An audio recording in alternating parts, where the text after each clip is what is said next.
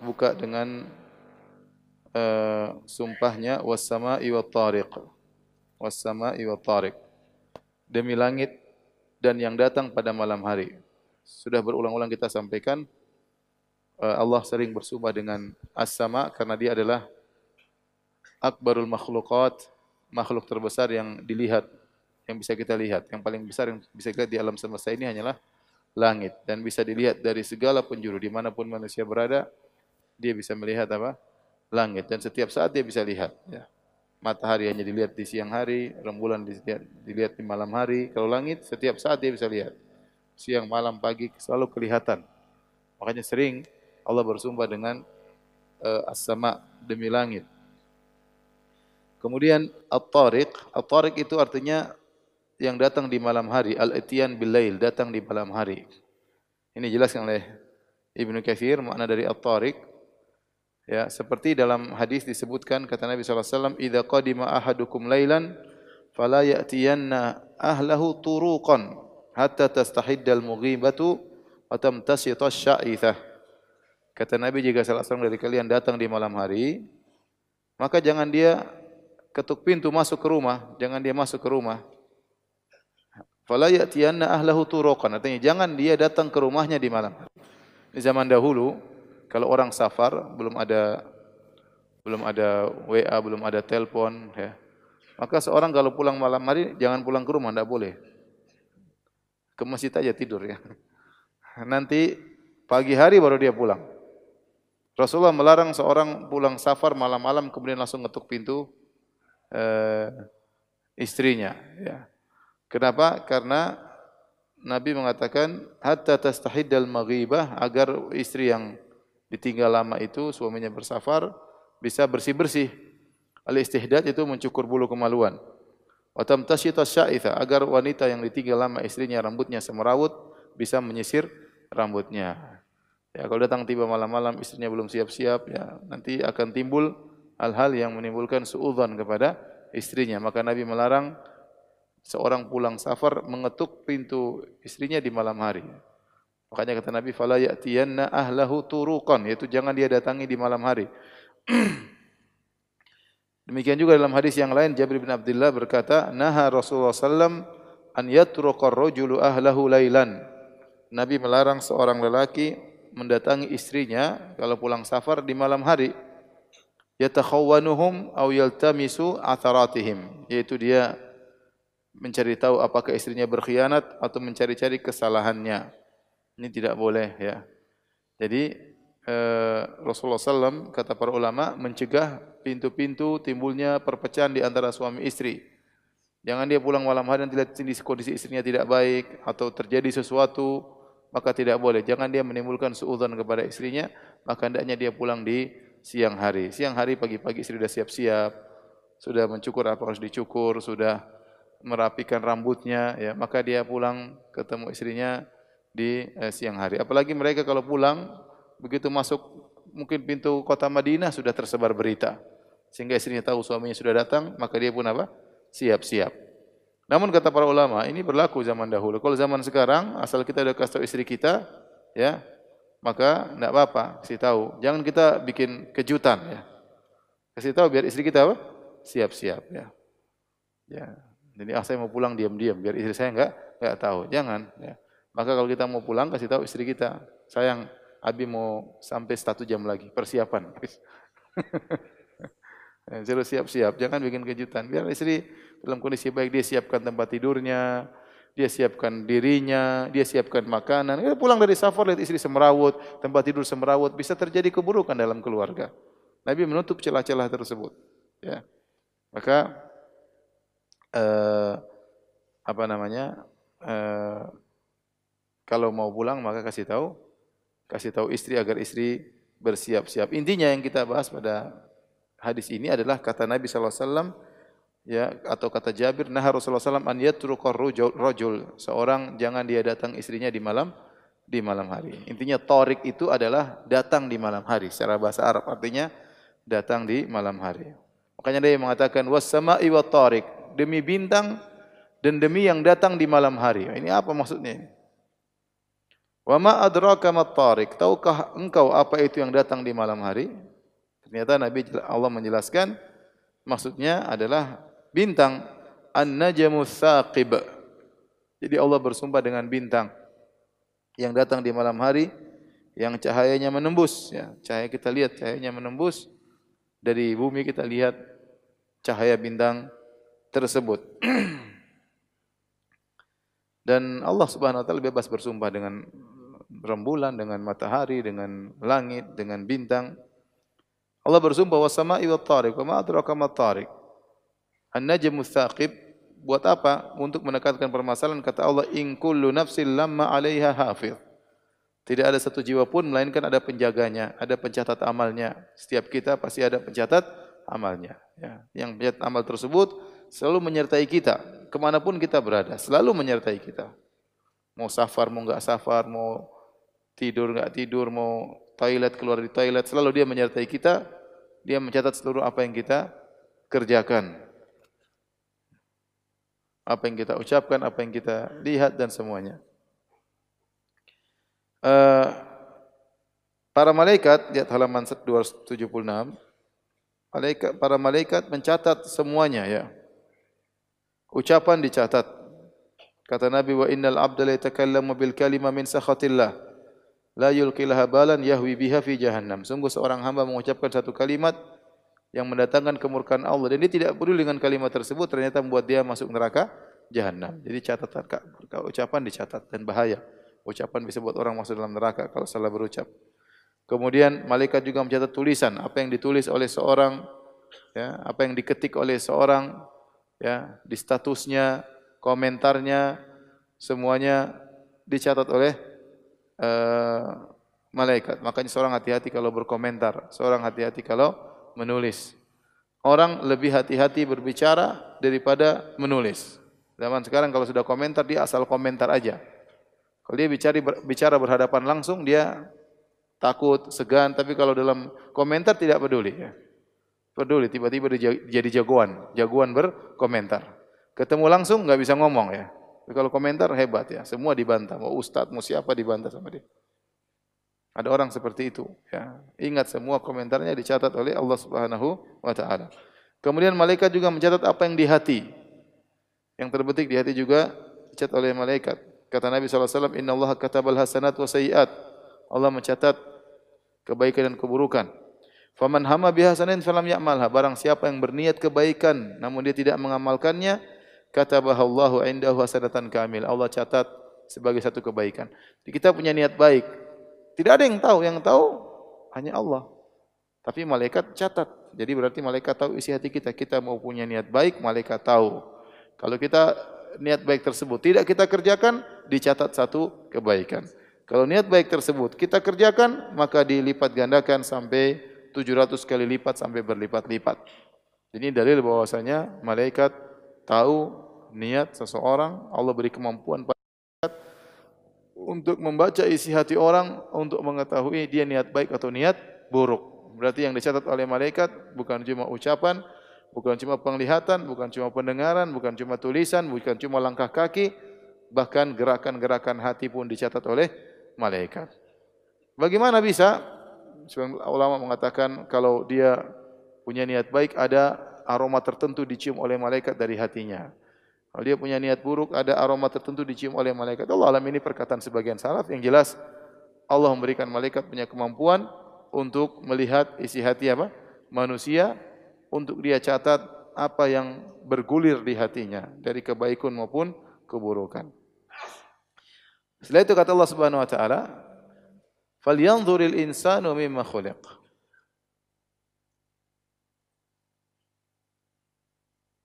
Hendaknya manusia melihat, merenungkan dari mana dia diciptakan. Khuliqa indafiq. Diciptakan dari air yang terpancar yaitu air mani. Bedanya air mani dengan yang lainnya air mani ter terpancar, ya. Adapun air madhi, air yang keluar tatkala seorang merasakan kelezatan tatkala syahwat tetapi tidak terpancar, tidak terjadi futur, tidak terjadi ejakulasi. Itu namanya air madhi.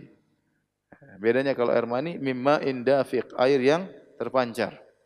yakhruju min baini sulbi wat taraib yang keluar di antara tulang sulbi laki-laki dan tulang dada perempuan. Di sini Allah suruh kita renungkan, kita terbuat dari apa? Dari air yang terpancar. Dalam ayat yang lain kata Allah, mimma immahin, dari air yang terhina. Alam nakhluqukum mimma immahin, bukankah kami telah menciptakan kalian dari air yang hina? Maka seorang jangan sombong ya. Kata Hasan Al-Basri, bagaimana bisa sombong orang yang keluar dari jalur air kencing sebanyak dua kali? Bagaimana Anda sombong? Anda terbuat dari air mani yang hina dan Anda keluar dari jalur kencing dua kali. Pertama Anda keluar dari jalur kencing bapak Anda, yang keluar kedua tatkala Anda lahir Anda keluar dari jalur kencing ibu Anda dan Anda asalnya terbuat dari air mani yang hina. Maka seorang jangan sombong, Allah suruh dia ingat tentang asal penciptaannya agar dia tidak angkuh. Mau sombong-sombong ente dulu air mani ya.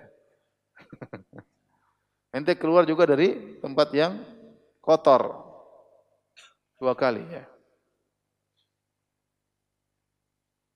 Makanya ada seorang pernah bangga di hadapan ulama, dia mengatakan, "Tidak tahukah engkau siapa saya?" Kata ulama tersebut, "Saya tahu. Engkau adalah seorang yang keluar dari kemaluan dua kali. ya, berasal dari air yang hina. Dan sekarang dalam perutmu ada kotoran. Itulah kekat dirimu ya. Maka seorang jangan apa? Jangan sombong, jangan jangan angkuh. Allah ingatkan tentang asal muasalnya. Karena seorang, oh saya dulu kakek saya raja, ya. Kakek saya darah biru, ya. Saya pun darah biru, ya. Iya, semuanya darah biru tapi semuanya dari air mani ya. Saya keturunan raja ya. Rajanya masih ada, rajanya sudah enggak ada. Kerajaannya sudah hancur. Masih sombong ya. Baik.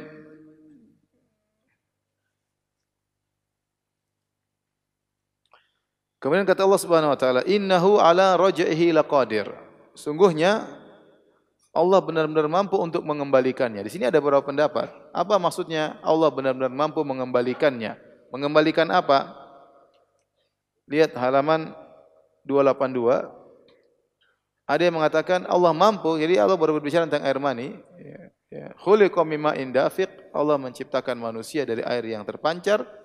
Innahu ala raji'ihi laqadir. Sungguhnya Allah mampu untuk mengembalikannya. Ada yang mengatakan mengembalikan air mani yang sudah keluar bisa masuk lagi. Itu kalau kita mustahil, udah keluar gimana masuk lagi? Sama kata orang kalau air susu sudah keluar dari uh, puting seorang wanita, tidak bakalan masuk kembali. Tapi kalau Allah berkehendak bisa masuk kembali. Jadi dia mengatakan, Innahu ala ila qadir, maksudnya Allah mampu mengembalikan air mani yang sudah keluar masuk kembali. Pendapat yang kedua mengatakan Allah mampu mengembalikan manusia yang sudah jadi makhluk yang manusia sempurna bisa kembali lagi jadi air mani. Allah Allah mampu. Allah setel mundur, nggak lagi air mani. Bisa. Kalau Allah mau, Allah mampu. Tafsiran yang kedua. Tafsiran yang ketiga, Allah mampu mengembalikan manusia dari kondisi tua kepada kondisi muda, dari muda kepada kondisi anak-anak. Dan yang keempat, innahu ala rajhi ila qadir, yaitu Allah mampu membangkitkan dia setelah matinya. Dan ini yang yang benar.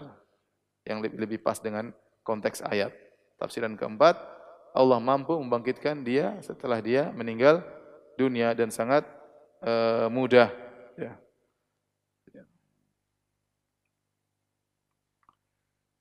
Seakan-akan apa namanya Allah mengatakan manusia terciptakan dari air mani saja bisa, ya. Apalagi sudah pernah ada kemudian menjadi tulang belulang, mengembalikan dia lebih mudah menurut uh, pakar, tapi bagi Allah sama saja dalam istilah Allah tidak ada perkataan lebih mudah, semuanya mudah. Perhatikan, ini perkataan lebih mudah itu kalau kita menurut kita makhluk.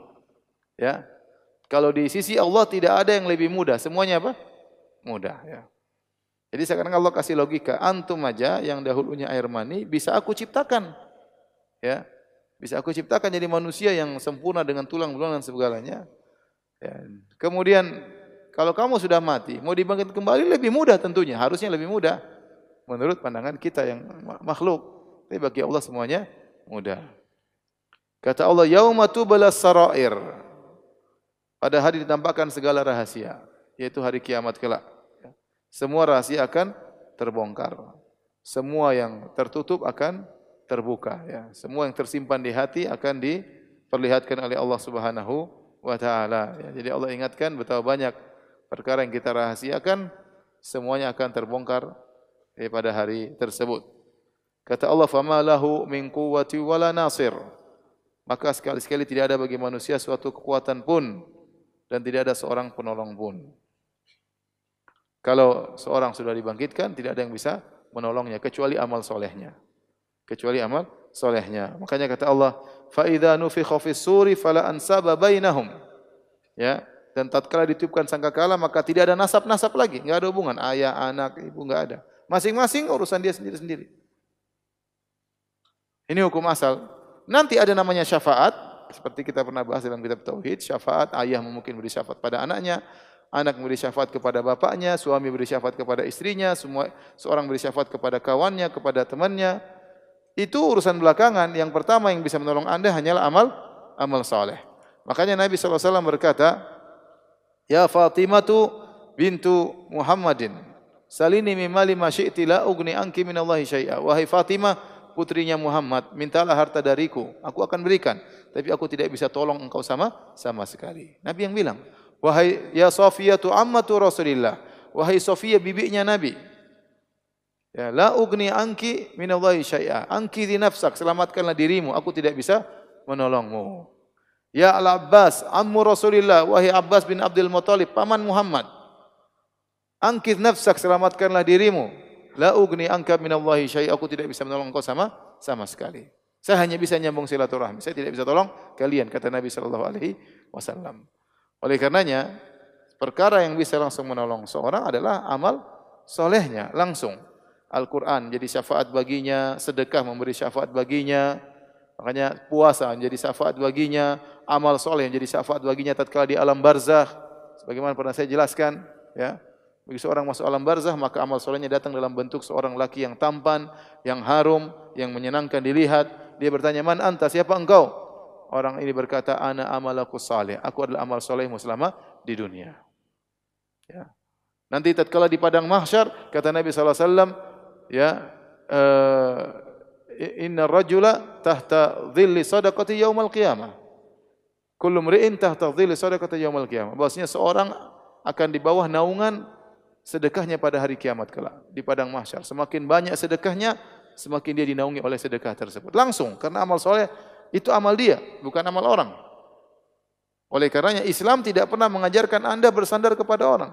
Islam menyuruh Anda untuk beramal soleh. Untuk untuk Anda beramal soleh. Ya.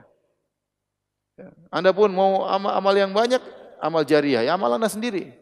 Mau punya anak yang soleh, Anda yang ngajarin anak tersebut supaya dia soleh, supaya bermanfaat bagi bagi Anda. Tidak ada kemudian Islam mengajarkan Anda bergantung kepada guru Anda, Anda bergantung sama tetangga Anda. Dari mana? Enggak ada. Tenang aja. Yang penting ente berguru sama dia, enggak ada begitu. Enggak ada. Makanya kalau ada ajaran ngobrol surga tanpa amal soleh itu ajaran sesat. Apa pun. Oh tenang aja kalau kamu begini nanti jamin masuk surga. Kamu jadi murid saya, jamin masuk surga. Enggak ada seperti itu. Kamu foto sama saya, jamin masuk surga. Enggak ada. Dulu saya pernah pergi suatu kampung mereka bilang gitu. Jadi foto sama kiai dibayar, bayar. Jadi kalau agak jauh berapa juta, kalau dekat berapa juta, bergandengan berapa juta ya. Mengerikan. Islam mengajarkan Anda mau selamat amal Anda sendiri. Ya, kalau Nasrani mau percaya sama Yesus selesai ya. Dosa selesai. Yang penting Yesus sudah menebus. Selesai. Islam enggak. Ente harus beramal soleh sendiri ya. Makanya kata Allah Subhanahu wa taala ya, wa ma lahu min quwwatin wala nasir. Tidak ada kekuatan, tidak ada penolong yang bisa menolongnya. Adapun syafaat itu urusan kedua. Seorang bisa dapat syafaat, bisa juga tidak. Ya, apakah yang memberi syafaat tergerak hatinya memberi syafaat? Apakah dia berani minta izin sama Allah? Ya Allah izinkanlah aku untuk beri syafaat kepada si fulan di antara sekian banyak orang. Anda nomor berapa mau dikasih syafaat? Ya, mungkin dia mau kasih syafaat bapaknya dulu, ibunya dulu, Anda dapat kebagian enggak? Enggak tahu. Kalaupun dia dikasih syafaat, dia minta izin apakah dikasih izin atau tidak? Juga enggak tahu.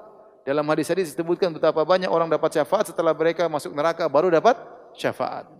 Setelah disiksa baru kemudian kawan-kawan yang beri syafaat. Kapan dapat syafaat? Setelah masuk neraka. Repot. Oleh karena jangan pernah berharap sama sama orang. Yang bisa menolong Anda adalah amal soleh Anda dengan izin Allah Subhanahu wa taala. Kemudian kata Allah Subhanahu wa taala, "Was sama'i dzatir raja." Demi langit yang mengandung hujan, mengembalikan air dari dari langit turun ke bawah ya. Air diangkat, kemudian makanya Allah menamakan raja kembali. Seakan-akan air tersebut berasal dari bawah kembali lagi dan ini menguatkan secara ilmu fisika bahwasanya air hujan itu dari bawah kemudian apa? dikumpulkan di awan kemudian menguap naik ke kemudian kembali lagi ke bawah. Wal ardi dzati sada demi bumi yang mempunyai tumbuh-tumbuhan. As-sada itu artinya tasyakkuk terbelah. Ini Allah tanam Allah mengatakan betapa banyak tumbuhan biji-bijian yang lemah ya namun begitu dia tumbuh dengan batangnya yang sangat halus namun dia bisa menembus apa? Tunas itu apa kan? Tunas itu kan kalau kita gini patahkan gampang. Dia bukan keluar kawat ya. Kemudian biji keluar kawat, dia bukan keluar kawat. Suatu yang sangat lembut tapi dia bisa belah apa? Tanah. Dia bisa belah tanah. Yang belah siapa? Allah Subhanahu wa taala. Kata Allah innahu laqaulun fasal. Sungguhnya Al-Qur'an itu adalah fasal, pembeda, pemisah antara hak dan batil. Wa ma huwa bil hazal dan dia bukanlah senda senda gurau ya. Sebagaimana perkataan orang kafir mengatakan Al-Qur'an asatirul awalin, dongeng orang-orang terdahulu. Kata Allah innahum yakiduna kaida. Sungguhnya orang-orang kafir itu merencanakan tipu daya yang jahat dengan sebenar-benarnya. Wa akidu kaida dan aku juga mempunyai rencana jahat untuk orang yang jahat. Jadi ini sering Allah sebutkan dalam Al-Quran. Allah menyebutkan sifat buruk dalam rangka membantah buruk. Jadi dan itu pujian. Jadi kalau ada orang buat makar, ya kata Allah, wa makaru wa makarallah, wallahu khairul makirin. Makar itu maknanya buruk, yaitu merencanakan keburukan. Namanya makar dalam bahasa Arab. Tapi kata Allah, wa makaru, mereka bikin makar, Allah juga bikin apa? Makar bagi mereka. Ini namanya sifat kalau disendirikan buruk. Orang yang bilang tukang bikin makar, jelek. Tapi kalau dia bisa membalas makar orang yang bikin makar, ini orang hebat. Nah Allah subhanahu wa ta'ala disifati, Allah membuat makar kepada pembuat apa? Makar. Ya. Jangan kita bilang Allah tukang makar, tidak boleh. Tapi kita bilang Allah mampu membalas makarnya orang yang buat apa? Makar. Ya. Seperti tadi, innahum yakiduna kaida. Mereka punya rencana jahat. Allah mampu balas rencana jahat mereka dengan rencana Allah yang lebih hebat daripada rencana rencana mereka. Kata Allah, "Famahilil kafirin amhilhum ruwaida." Berilah tangguh kepada orang kafir itu ya barang sebentar, habis dah. Ya. Jadi mereka diberi tangguh, mungkin tidak diadab di dunia, tapi mereka akan diadab di akhirat. Ini saja surat At-Tariq yang bisa jawab pertanyaan, dikasih hadiah. Pertama buat bapak-bapak, Bukunya ditutup, nggak boleh dibuka. Nyontek. Sudah? Siapa yang bisa sebutkan dalam hadis yang menjelaskan tentang makna torik? Hmm, silakan. Mana ini mic-nya? Enggak ada.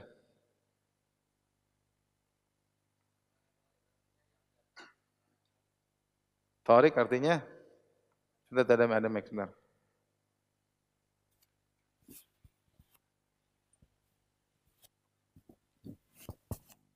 Mana torik artinya yang datang di malam hari. Ya, kaitannya dengan hadis Nabi bilang bagaimana? Idza kudima ahadukum lailan falayatina ahlahu turukan.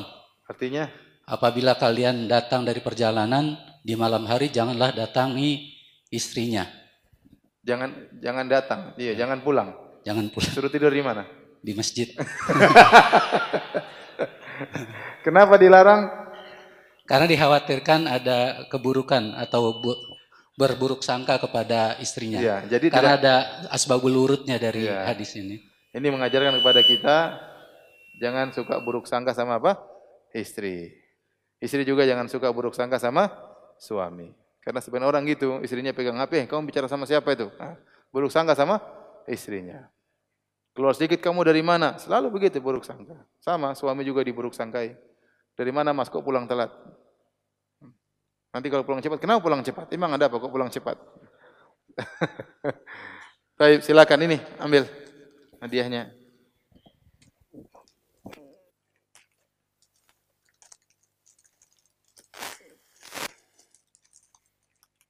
Hmm. Wah, kuat. Hah? Mau buat ahwat? Yang buat ikhwan kecil ya? Ini ada yang besar. Kecil semua, sarung kan. Ikhwan. Ya udahlah, terima takdirnya. Ya. Yang akhwat, uh, kata Allah Subhanahu Wa Taala, Innahu ala raj'ihi laqadir. Sungguhnya Allah mampu untuk mengembalikannya. Ada empat pendapat di situ. Sebutkan tiga. Akhwat, akhwat.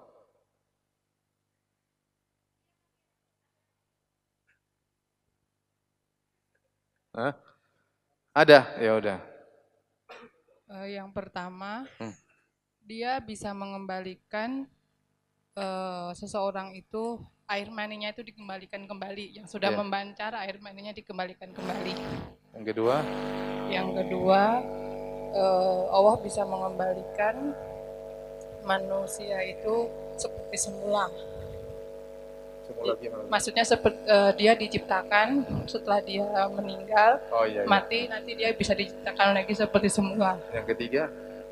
Yang ketiga, uh, dia apa yang maksudnya? Ya sudah cukup, nah apa? Dua sudah cukup. Ini hadiahnya. Apa Ustaz? Sudah hadiah. Jazakallahu khairan. Ya, kau. Sekarang buat Ikhwan.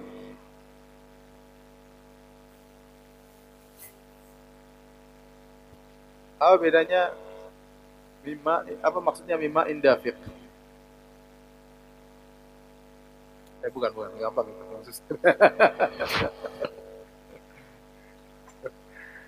Tadi saya sebutkan athar, ada orang kaya bilang sama seorang ulama, tahukah kamu siapa saya? Apa jawabannya? Hah? Jawabannya. Apa jawabannya? Kasih mic, kasih mic. Eh, kata ulama itu, kamu adalah seorang yang keluar dari mani. Uh, Udah gue dari mani. ulang, ulang, gimana? Itu nanti diketawain sama orang kaya tadi. Ah, ente ulama bahlul ente. gimana gimana? Kata seorang yang sombong itu, tahukah kamu siapa saya? Terus? Uh, dan jawab seorang ulama, saya tahu bahwa kamu asalnya keluar dari uh, kamu berasal dari air mani, air, air yang, yang hina. hina. Terus keluar dari yang jangan aja Coba. Keluar dari air yang hina. Terus?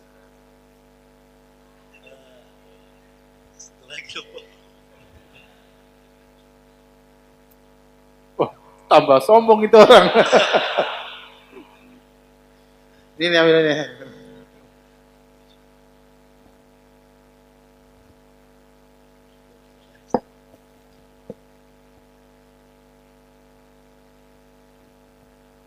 Ibu-ibu. Apa maksudnya wal ardi dzati sada? Wal ardi dzati sada demi bumi yang memiliki belahan. Ibu bahwasanya tunas yang begitu lemah mampu menembus tanah dengan kehendak Allah. Masya Allah. Jazakallah khair ini hadiahnya ya.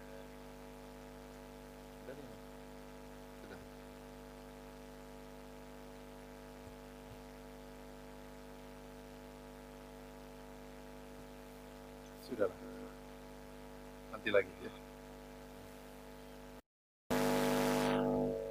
Ada yang bertanya?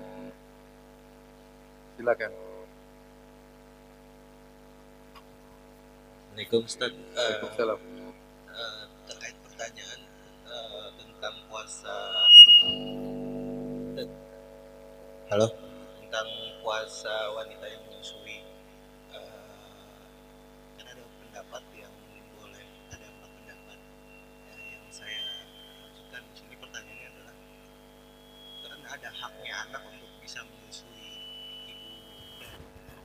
dari puting ibunya hmm. secara langsung. Bagaimana dengan hukum kalau misalnya si ibu itu berniat puasa Ramadan tapi si anak uh, dipompa susunya gitu dari tidak disusui secara langsung. Oh gitu. Menzalimi anak enggak? Anak kalau begitu dia dia dokter menurut dokter sehat enggak? Air susu yang udah dikeluarin dulu diberikan kepada anak sedikit-sedikit dengan anak minum langsung dari susu ibunya, mana yang lebih baik? Yang lebih baik sih langsung dari ibunya sih Ustaz. Ya sudah gitu aja lah. Nanti kalau dia tahu-tahu kurus, goblok, gimana? Udah besar. Kasihan. Nggak tahu. Kita nggak tahu ya. Mending janganlah. Karena air kalau udah keluar di susu mungkin luar keluar nggak segar lagi ya. Jadi kalau makan makanan aja nggak segar sudah kurang enak. Gizinya mungkin sudah berkurang ya. Ibunya sudah suruh bayar fidyah gampang, ngapain susah-susah puasa? Kalau nggak bisa, ya bayar fidyah. Iya. Maunya gimana? Maunya gimana? Kalau misalnya kan ada pendapat yang mengharuskan juga uh, di kodok. Iya, kalau mampu, kalau mampu silakan kodok, kalau nggak mampu bayar fidyah cukup fidyah aja iya, cukup harus kodok Pak. Enggak usah harus kodok. Kalau dia mampu dia kodok lebih bagus. Tapi kalau berat, terlalu banyak utangnya, ya dia bayar fidyah aja. Siapa lagi yang bertanya? Hmm. Nih silakan apa? Zakat fitrah, kenapa? Kasih mic, kasih mic. Ada kejadian apa?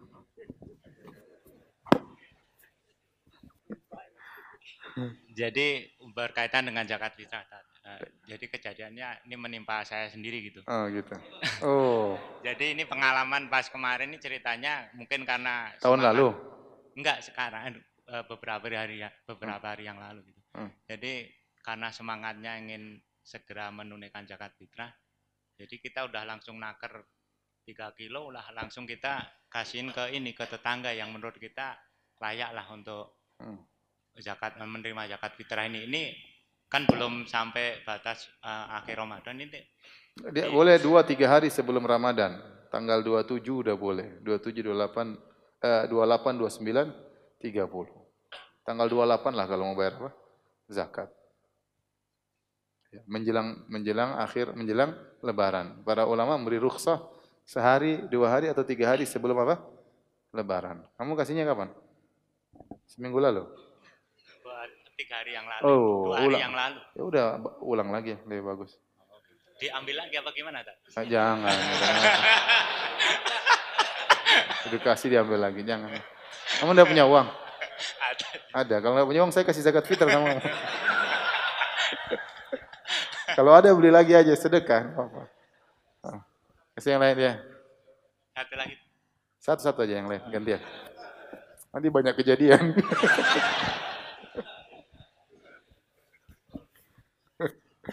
Uh, Assalamualaikum Ustaz. Waalaikumsalam. Uh, saya ingin bertanya. Uh, uh, Udah misalnya aja lah Baru Bagir.